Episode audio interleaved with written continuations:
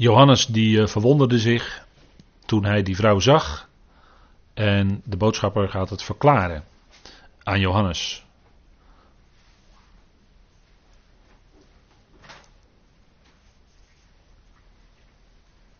Even kijken hoe dit kan.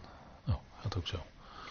Het wilde beest dat jij zag was en is niet en staat op het punt uit de afgrond op te komen en op weg te gaan naar de vernietiging. En wat is nu die afgrond? Dat is het uh, woord wat wel vaker in openbaring voorkomt. We zijn het vaker tegengekomen. En het wordt wel eens vertaald in vertalingen met bodemloze put, maar dat is eigenlijk niet de juiste aanduiding. Als je het opslaat in de schrift, heeft het eigenlijk te maken met een diepte. En eigenlijk nog meer nog met een waterdiepte. We lezen bijvoorbeeld in uh, Openbaring dat begrip diverse keren, hè, de abyssos. En we zien dat bijvoorbeeld ook in Lucas 8 komt dat woord voor. Laten we even met elkaar opzoeken. Lucas 8, vers 31.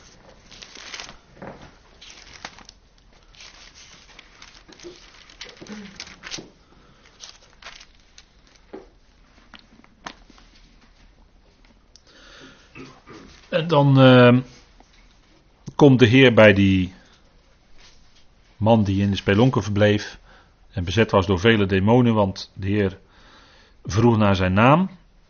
Dat was Legio, Lucas 8, vers 30.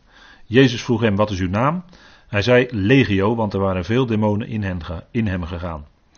En ze smeekten hem dat hij hun niet zou bevelen in de afgrond te gaan. En er was daar een grote kudde varkens aan het weiden op de berg. Zij smeekten hem dat hij hun zou toestaan daarin te gaan. En hij stond het hun toe. En de demonen gingen uit de man weg en gingen in de varkens. En de kudde stortte van de steilte af het meer in en verdronk. En nu komen ze eigenlijk toch in die diepte terecht. Want water, diep water, dat is eigenlijk ook een aanduiding van de afgrond. Um, als we kijken bijvoorbeeld in Openbaring 9, dan wordt het woord ook genoemd. Openbaring 9.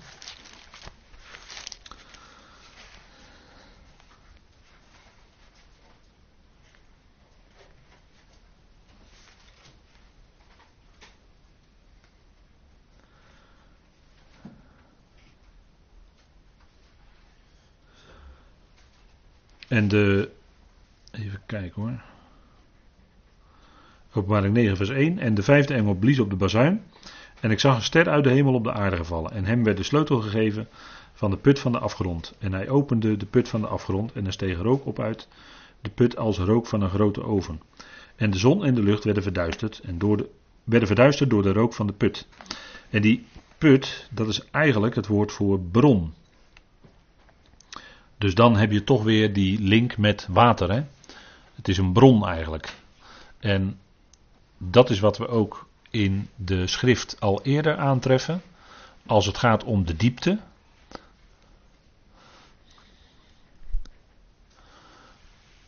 Dat is in het Hebreeuws het woord tehom. Tehom. En dat vinden wij bijvoorbeeld in Genesis 1, vers 2. Laten we het ook even met elkaar opzoeken. Genesis 1, vers 2.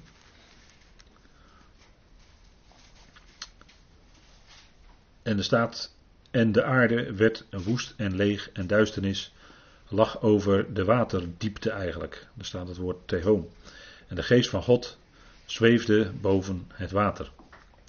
Dus dan zien we dat er als gevolg van de nederwerping van de wereld heel veel water is. Die later ook van elkaar gescheiden worden. En de wateren onder en de wateren boven, weet u wel, in de wolken, die werden van elkaar gescheiden. En wat ertussen zit, dat is dan het uitspansel. Hè? Dat staat dan eigenlijk strak. Dan moet je denken aan een tent, heb ik wel eens vaker gezegd. Een tent die zet je ook strak neer en die doeken, dat is, die span je dan uit. En dat vinden wij ook bijvoorbeeld bevestigd, dat het een waterdiepte is waaruit water komt. In Genesis 7, vers 11, daar wordt het woord ook gebruikt. En, staat en, het, en in het 600ste levensjaar van Noach, in de tweede maand, op de 17e dag van die maand. En op die dag zijn alle bronnen van de grote waterdiepte opengebarsten en de sluizen van de hemel opengezet. Dus er kwam van twee kanten water uit de hemelen en ook van onderuit vanuit de bronnen. De sluizen werden opengezet van de waterdiepte. Dus hebben we weer het woord diepte. Hè? En we vinden dat bijvoorbeeld ook op andere plaatsen. Uh, Exodus 15, misschien ook even goed om. Dan gaat het om dat leger van de farao wat in de Rode Zee verdronk.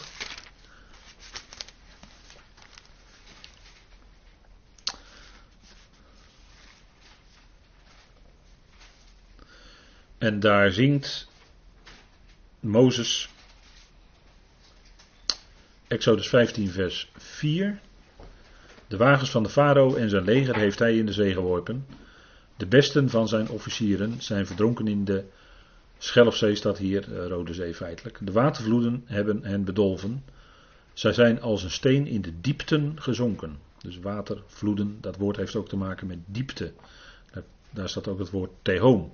Dus er komt uit de diepten, uit de bronnen, de diepten komt ook water. En dat is wat je in Openbaring 17 ziet. Het verband met het woord diepte is dat het te maken heeft met wateren. De diepe wateren. Bijvoorbeeld ook Jona, die riep vanuit de grote vis, toen hij daarin zat, riep hij vanuit de diepte. En die vis die was natuurlijk in het water, dus Jona was dat ook. En dan wordt dat woord diepte ook gebruikt. Dus dat heeft te maken met water. Het wilde beest, staat er dan, dat jij zag, was en is niet. En het staat op het punt uit de afgrond op te komen en op weg te gaan naar vernietiging. Dus een korte tijd, het was er. Een korte tijd is het er niet. En het staat op het punt uit de afgrond op te komen. En het moment dat het uit de afgrond opkomt, zal het ook de vrouw gaan aanvallen. En dat is in feite, als hier staat, staat op het punt uit de afgrond op te komen, dan is dat in feite wat wij ook lezen op een ander, in een andere tekst in Openbaring. Namelijk Openbaring 13, vers 1. Uit de afgrond opkomen, dat is in feite hetzelfde als wat we in Openbaring 13, vers 1 lezen. Waarin we lezen, en dan kunnen we even met elkaar opslaan weer. En ik zag uit de zee een beest opkomen dat zeven koppen en tien horens had. En op zijn horens waren tien diademen en op zijn koppen lastelijke namen. En het beest dat ik zag leek op een panter en zijn poten waren als die van een beer en zijn muil was een, als de muil van een leeuw. En de draak gaf hem zijn kracht, zijn troon en grote macht. Dus hier zien we dat het beest, wordt gezegd, komt uit de zee op. Nou, dat is natuurlijk ook water. Uit, en we weten dat beeldspraak is voor de Volkerenzee, maar in ieder geval wordt dat gezien als dat het uit de diepte opkwam, uit de afgrond. En dat is dan dezelfde gebeurtenis. Dus in Openbaring 17, vers 8 lezen we eigenlijk dezelfde gebeurtenis als in Openbaring 13, vers 1. Dat beest als geheel zal er dan korte tijd niet zijn. Het was, het was er en het is niet. En het staat op het punt uit de afgrond op te komen. Dus kennelijk is daar iets gebeurd. Dat die vrouw op een of andere manier dat beest toch uh, zodanig uh, onder controle heeft gekregen door eventueel iemand van dat beest uit te schakelen. Dat dat beest als zodanig er even niet is. Maar het zal er wel weer zijn, zegt de openbaring 17.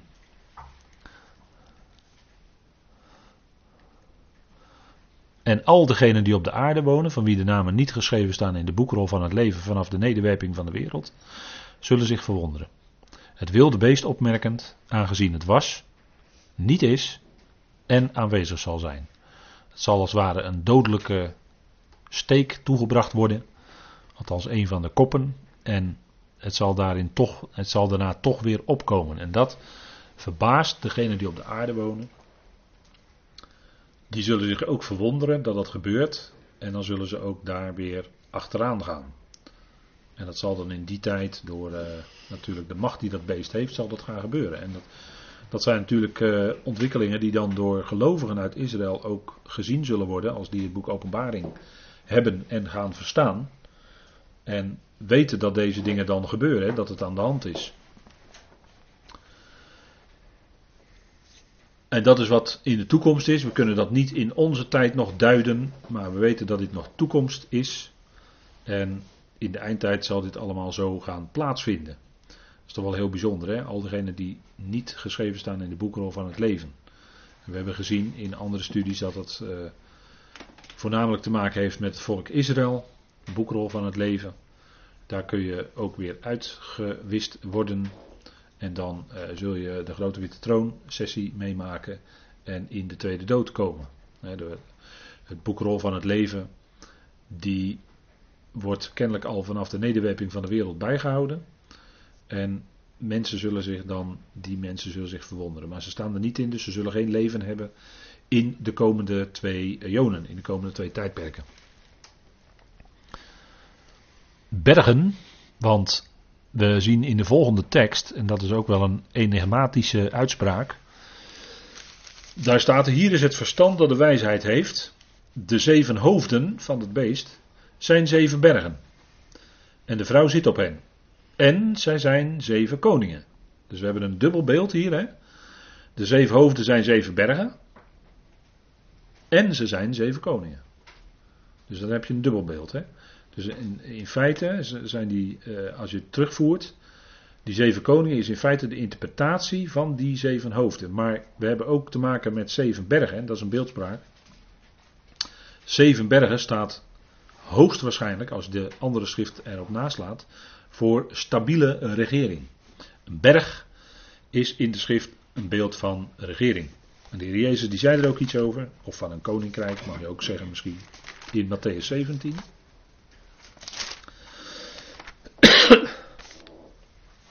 in Matthäus 17. En dat was vlak na de verheerlijking, jawel, op de berg. En dat was natuurlijk een uitbeelding van het komende koninkrijk. Mozes en Elia en de Heer. En die waren natuurlijk op de berg. En berg staat voor regering of koninkrijk. En Matthäus 17, vers 20 zegt dan: Jezus zei tegen hen vanwege jullie ongeloof, want voorwaar, de discipelen komen dan bij hem en die zeiden: waarom konden wij hem niet uitdrijven, hè, die, uh, die boze macht. Jezus zei tegen hen vanwege jullie ongeloof, want voorwaar ik zeg jullie, als jullie het geloof hadden als van een mosterdzaad, en je zou tegen deze berg zeggen: verplaats je van hier naar daar, hij zou gaan. En niets zou voor u onmogelijk zijn. En met die berg bedoelde hij waarschijnlijk de Romeinse heerschappij, de Romeinse regering op dat moment. dus als ze zouden geloven en leven uit geloof, dan zouden ze misschien dat juk van Rome van zich af kunnen werpen. Dan zou die berg, die regering, gaan wijken. Maar dit soort, zegt de Heer dan, dat zijn die demonen. Hij is maanziek en de maanzieke knaap, maar dat had te maken met geestelijke machten. Maar dit soort gaat niet uit dan door bidden en vasten. Nou goed, dat heeft te maken met het koninkrijk uiteraard. Maar bergen, en we lezen daar nog een tekst van in Matthäus 28, vers 16. Dat is het einde van Matthäus.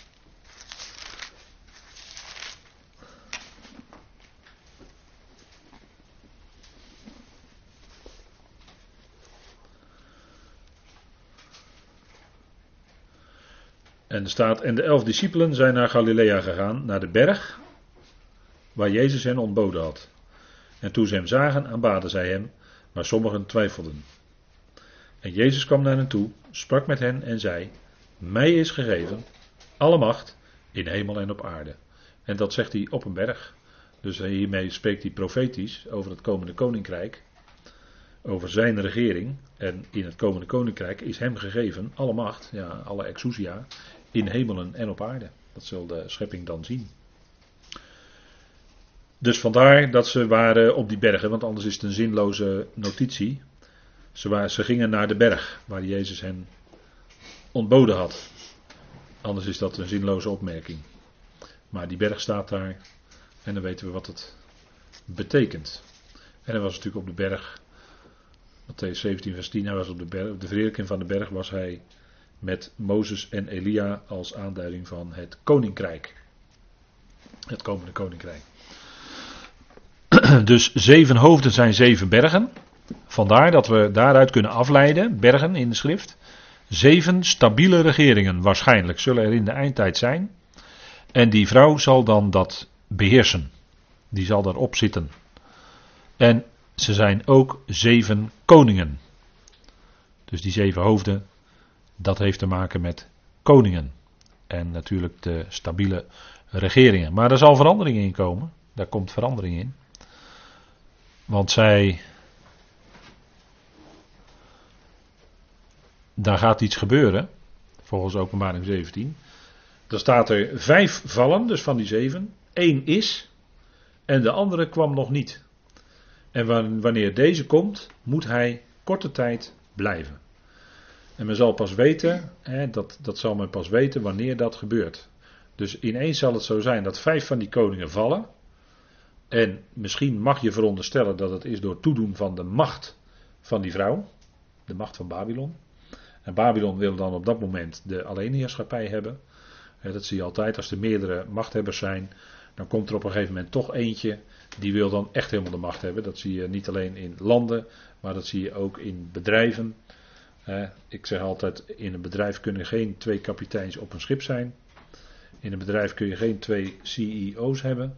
Want vroeg of laat komt er ruzie en dan gaat de ene de andere verdrijven. Zo gaat het in het dagelijks leven.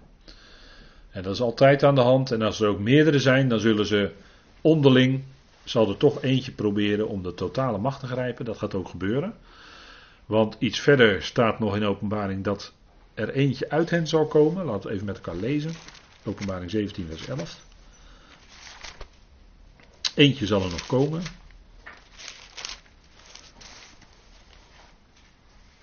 En het beest dat was en niet is, is ook zelf de achtste.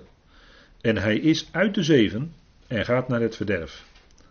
Dus dat is die wetteloze, dat beest, dat uit die zeven komt, maar zelf dan ook de achtste blijkt te zijn. Als hij die alleenheerschappij naar zich toetrekt. En als u het mij vraagt, is dat de wetteloze? Waarvan Paulus zegt in 2 Thessalonicense dat hij zich zal zetten in de tempel van God en zich zal aanbidden als was hij een God. En dan zal men verplicht hem moeten aanbidden. En dan zal ook daarna zullen zij, zal er nog iets anders gaan gebeuren. Dan zal de ondergang van Babylon komen. Dan zal men de, de vrouw vernietigen. Daar loopt het op uit.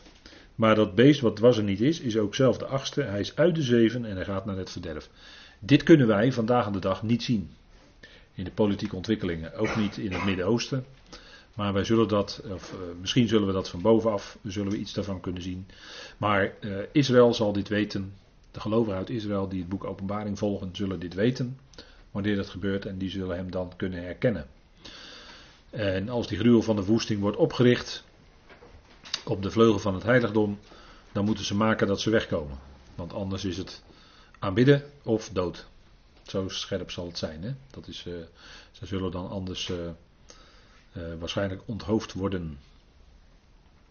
En dat is, daarin zie je ook, hè, dat als het in de eindtijd zo gaat, dat die verplichte aanbidding gaat komen en anders wordt men gedood. Dat zie je ook gebeuren in, dat heb je zien gebeuren in allerlei revoluties in de afgelopen eeuwen. we denken, ik noemde al net de Oktoberrevolutie in Rusland. En uh, werden daar tegenstanders uit de weg geruimd, hè, werden gedood.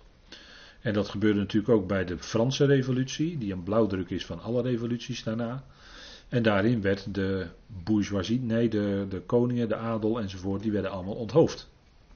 maar let op, uh, Robespierre, ik weet niet of u de geschiedenis kent, maar Robespierre werd op een gegeven moment zelf ook onthoofd. Hè? En zo gaat dat. Zo gaat dat. In die, als je zulke revoluties dan is niemand eigenlijk zijn leven zeker. Behalve degene die daarboven staan en het van boven afsturen. Die zijn hun leven wel zeker. En die blijven. Maar degene daaronder die de revolutie uitvoeren, die zijn op een gegeven moment zelf hun leven ook niet meer zeker. Zo gaat dat. Dus dan kan je zien dat het systeem van de duivel is. Want de duivel is de moordenaar van de beginnen. Dat zegt Jezus toch? De duivel is de moordenaar van de beginnen. Dus als dat allemaal plaatsvindt, dan weet je wie erachter zit. Dan weet je welke geest die revolutie drijft. Dat kun je dan zo herkennen. En dit is natuurlijk de ernstige dingen die in de eindtijd gaan gebeuren. Maar we weten dat daarachter de volgende stap is, na deze ontwikkelingen, dat Babylon ook verwoest zal worden, zal vernietigd worden, zal ondergaan. Dat lezen we in Openbaring 18 uitgebreid, daar willen we ook wat uitgebreider bij stilstaan. Ook aan de hand van Jeremia. En dan zullen we zien hoe rijk die handelsstad was. hoe dat allemaal daar werkte, wat er allemaal aanwezig was. En dat gaat allemaal dan straks gebeuren. En ik denk als wij weg zijn dat er dan ineens een versnelling in komt. want dan is de weerhouder weg. En dan gaan ook die ontwikkelingen ineens door. Dat gaat dan enorm doorzetten. De wetteloosheid. Maar wij mogen leven uit die liefde van God. We zijn in zijn liefdevolle hand. Hij heeft ons lief. En we mogen die liefde doorgeven en op hem gericht leven. Zijn liefde is in ons hart uitgegoten door Heilige Geest. En daarom ben je dan in staat om ook die ander te kunnen liefhebben, zelfs je vijand. dat is heel moeilijk, maar de Jezus zei: bid voor je vijanden. En Paulus zegt: je moet de vijanden vurige kolen op het hoofd hopen door ze te eten en te drinken te geven. we zouden vrede houden met alle mensen. En dat kunnen wij omdat, wij, omdat die liefde van God in ons hart is uitgegoten. Omdat die liefde van God in ons werkt. Daarom kunnen wij die ander ook lief hebben, omdat we weten dat die ander misschien nu nog vijandig is, maar er zal een moment komen dat God hem heeft veranderd tot vriend. Dus we zien onze vijanden zelfs als toekomstige vrienden.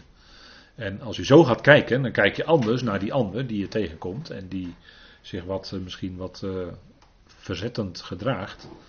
Maar daarin kun je dan toch anders zijn. En dat is ook uh, belangrijk. Hè? Het gaat er uh, gaat er natuurlijk ook om wat je doet, maar het gaat er misschien nog wel meer om wie je bent. Hoe je bent in situaties. Hè, dat, dat, uh, dat zijn die, en dan die liefde daarmee laten zien. Hè, dat is het, een van de belangrijke facetten van het evangelie. Liefde, dat is eigenlijk de bron van alles van de vrucht van de geest. Liefde is de bron van het feit dat je die ander barmhartigheid kan bewijzen. Dat je die ander dat je trouw kunt zijn. Dat, je, dat het geloof werkt. Dat je zachtmoedig kan zijn. Het komt allemaal voort uit Gods liefde.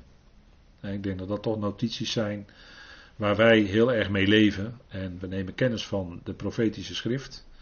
Die heel ernstig is. En moeilijke dingen die in de toekomst gebeuren. De toestand in de wereld is heftig. Maar wij mogen uitzien naar die heerlijke komst van Hem. Als Hij de bazuin steekt en wij Hem dan ontmoeten in de lucht. Daar kijken we naar uit. Goed, zullen wij de Heer danken voor deze avond.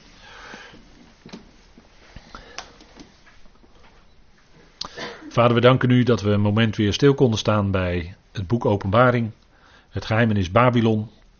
En we hebben nu toch een aantal dingen met elkaar mogen zien, wat het inhoudt. En dat is heel ernstig. Vader, dank u wel dat u ons lief hebt en niet alleen ons, maar de hele wereld. Vader, dank u wel dat u dwars door al die gerichten heen tot het doel komt. Dank u wel dat uw volk Israël uw oogappel is. Dat u het geweldige belofte heeft gegeven. Vader, en helaas zal er in de eindtijd ook een afvallig deel zijn. Wat een ernstig gericht moet ondergaan. Maar niettemin blijven zij uw volk en heeft u het daarom lief. Vader, we danken u dat u die beloften die u heeft gedaan aan de vaderen ook aan Israël zult bevestigen. U zal ze gestand doen.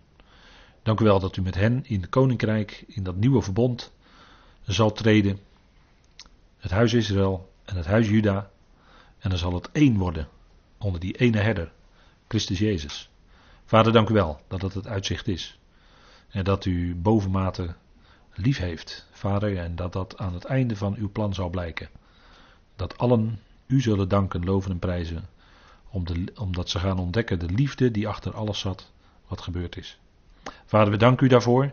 We danken u dat we dat uitzicht hebben. We danken u dat u dag aan dag ons draagt. Dat u meegaat in de omstandigheden waarin we zijn. Soms moeilijk. Vader, wilt u met hen zijn die oud zijn geworden en daardoor met veel gebreken te maken hebben. Wil hen een bijzonder dicht nabij zijn en dragen in uw liefde. En dank u wel dat we dat geweldige uitzicht hebben. Vader, dat verzacht het lijden wat er is. En bedank u daarvoor. We danken u zo voor dit moment wat u ons gaf gezamenlijk.